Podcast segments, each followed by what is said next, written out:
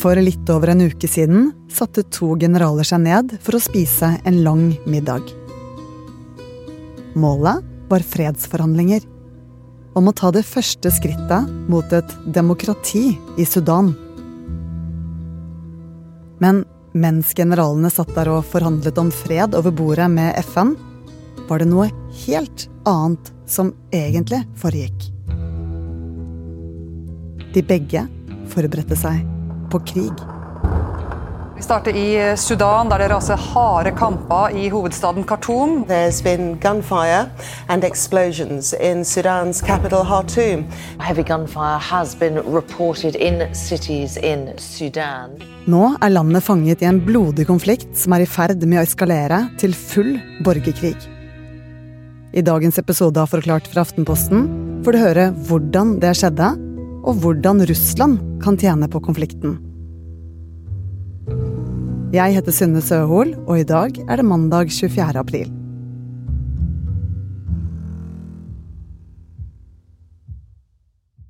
Ja, Det begynte lørdag for litt over en eh, uke siden. Da våknet eh, innbyggerne i hovedstaden Khartoum til lyden av skyting og jagerfly. Siden så har de levd under det som eh, observatører sier kan være starten på en større borgerkrig. Gunnar Kagge er utenriksjournalist her i Aftenposten, og han har i det siste fulgt situasjonen i Sudan. Hvem er det som kriger? Det er to generaler som formelt sett er president og visepresident, og de har valgt hver sin side i konflikten. Og hvis du har sett filmer med afrikanske krigsherrer, så er det sannsynligvis ikke langt unna beskrivelsen av disse to. Begge har militærbekledning med medaljer, presidenten med caps og visepresidenten med en beret. Presidenten er tidligere hærsjef og general Abdel Fattah al-Burhan. Han står på den ene siden og har den vanlige hæren bak seg. På den andre siden er det generalløytnant Mohammed Hamdam, som vanligvis kalles Hemeti. Han er tidligere kamelhandler og gikk inn i militæret under borgerkrigen i Darfur, og nå leder han en paramilitær gruppe som kalles Rapid Support Forces. Og derfor våknet altså innbyggerne i hovedstaden til lyden av skudd. Over 270 personer er blitt drept, og minst 2600 er såret siden forrige lørdag. Røde Kors forteller om mennesker som er innesperret på sykehus og skoler uten mat og drikke.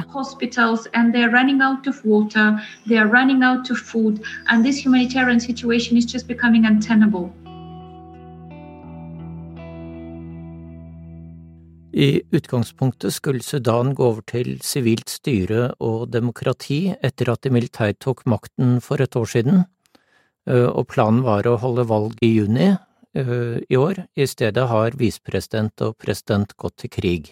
Men hva er det de slåss om? Tilsynelatende er det bare makten i landet de slåss om. Likevel er problemet i Sudan sammensatt. Annet fordi landet har 300 etniske grupper og mange religioner. Ja, det er mange språkgrupper og etniske grupper, og religiøst så er de fleste uh, muslimer, men særlig sør er det en god del kristne, og i Sudan er det også en god uh, mange som holder seg til tradisjonelle afrikanske religioner. Og nå kan den allerede blodige konflikten bli enda mer voldelig.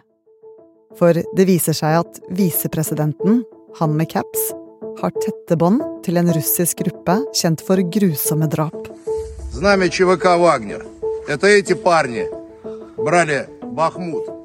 Hvorfor i all verden blander Wagner-gruppen seg inn i en borgerkrig i Sudan?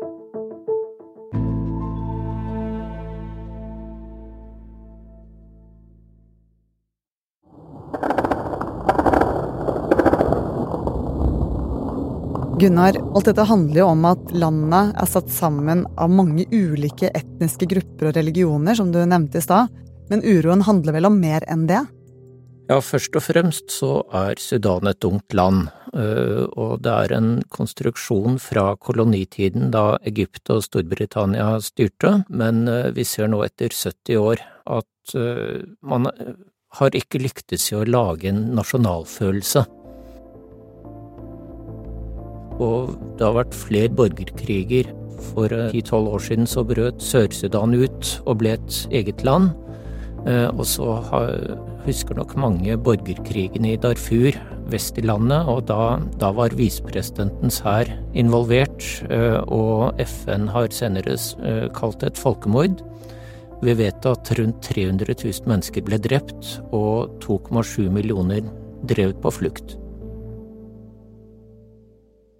Det, er en stat som ikke funker i det hele tatt. Den har ikke noe å tilby innbyggerne når det gjelder helsestell og undervisning og sånn man regner med at en stat skal gjøre. Så i det hele tatt så fungerer det ikke som en, som en stat. Og det var jo dette de to generalene skulle finne ut av under den middagen med FN. Men nå, med hver sin hær, er målet om en demokratisk stat enda fjernere. For det handler ikke bare om de to generalene. Hvis visepresidenten vinner kampen, kan en annen brutal hær få innflytelse. Fordi han har kontakter i Wagner-gruppen. Det, det kalles ofte Putins private hær, den er styrt og antagelig eid av Evgenij Pregosjin, som eh, ofte kalles Putins kokk. Han driver mange forskjellige typer eh, næringsvirksomhet, fra catering til eh, brutal krigføring, og Wagner-gruppen er kjent for å være spesielt brutale, og de dreper krigsfanger og i det hele tatt følger ikke alminnelige lover og regler som gjelder krigføring. Men hva er det de gjør i Afrika? Ja, Wagner-gruppen er aktiv i flere land sør for Sahara. De er leid inn av myndighetene i mange av uh, Sudans naboland for å kjempe mot islamistiske grupper, og det vi vet er at uh, de gjør dette i bytte mot uh, gruverettigheter og andre lukrative forretningsmuligheter. Russland er veldig interessert i å få fotfeste i Sudan. For Sudan har nemlig noe Russland er svært interessert i. For det første, så selv om Sudan er et fattig land, så er de veldig rike på naturressurser. De har store forekomster av jernmalm og mangan, silisium og gull. Eh, dette er eh, ressurser eh, Russland gjerne vil ha, og særlig silisium er et mineral man trenger i produksjon av databrikker, og det er det mangel på i verden, og Russland sliter med å få tak i det av sanksjonene. Og for det andre så ønsker de innflytelse i Afrika og ser på Sudan som på en måte porten til Afrika, og nylig så inngikk de avtale om marinebaser ved kysten mot eh, Rødehavet. Med andre ord er Sudan Russlands nøkkel til det afrikanske kontinentet. Og derfor er konflikten mer enn en borgerkrig. For utfallet kan ende opp med å gi Russland mer makt. Vi vet ikke om Wagner soldater deltar i kampene nå. Noen mener at de bare sørger for sikkerheten rundt gruvene, men vi vet også at visepresidenten har bånd til Wagner-gruppen, og så, så, er man usikker på om de egentlig har valgt side på, på den måten at de deltar i krigen. Gunnar, hva kan du si om veien videre for Sudan? Ja, mange tror at eh, de kan være på vei inn i en lang og blodig borgerkrig, eh, og nå forteller journalister om at det lukter død og ligger lik i gatene. Og hva som skjer videre er usikkert, men det som er sikkert, er at det ikke blir noe lettere for eh, sivilbefolkningen i Sudan.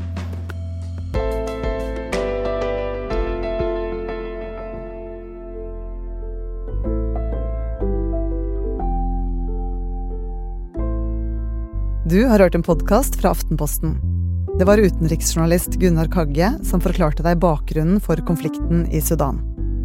Denne episoden er laget av produsent Olav Eggesvik og meg, Synne Søhol.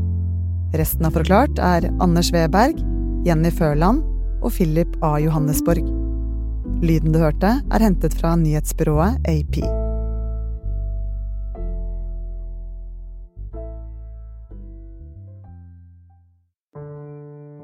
Nå er vi tolv personer. Vi er uh, i denne romstasjonen.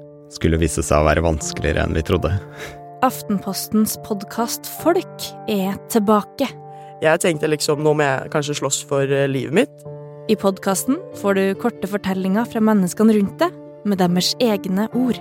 Men da roper søsteren min på meg. Mamma beveger seg ikke. Hør den og hele sesong én hos Podmy eller i Aftenposten-appen.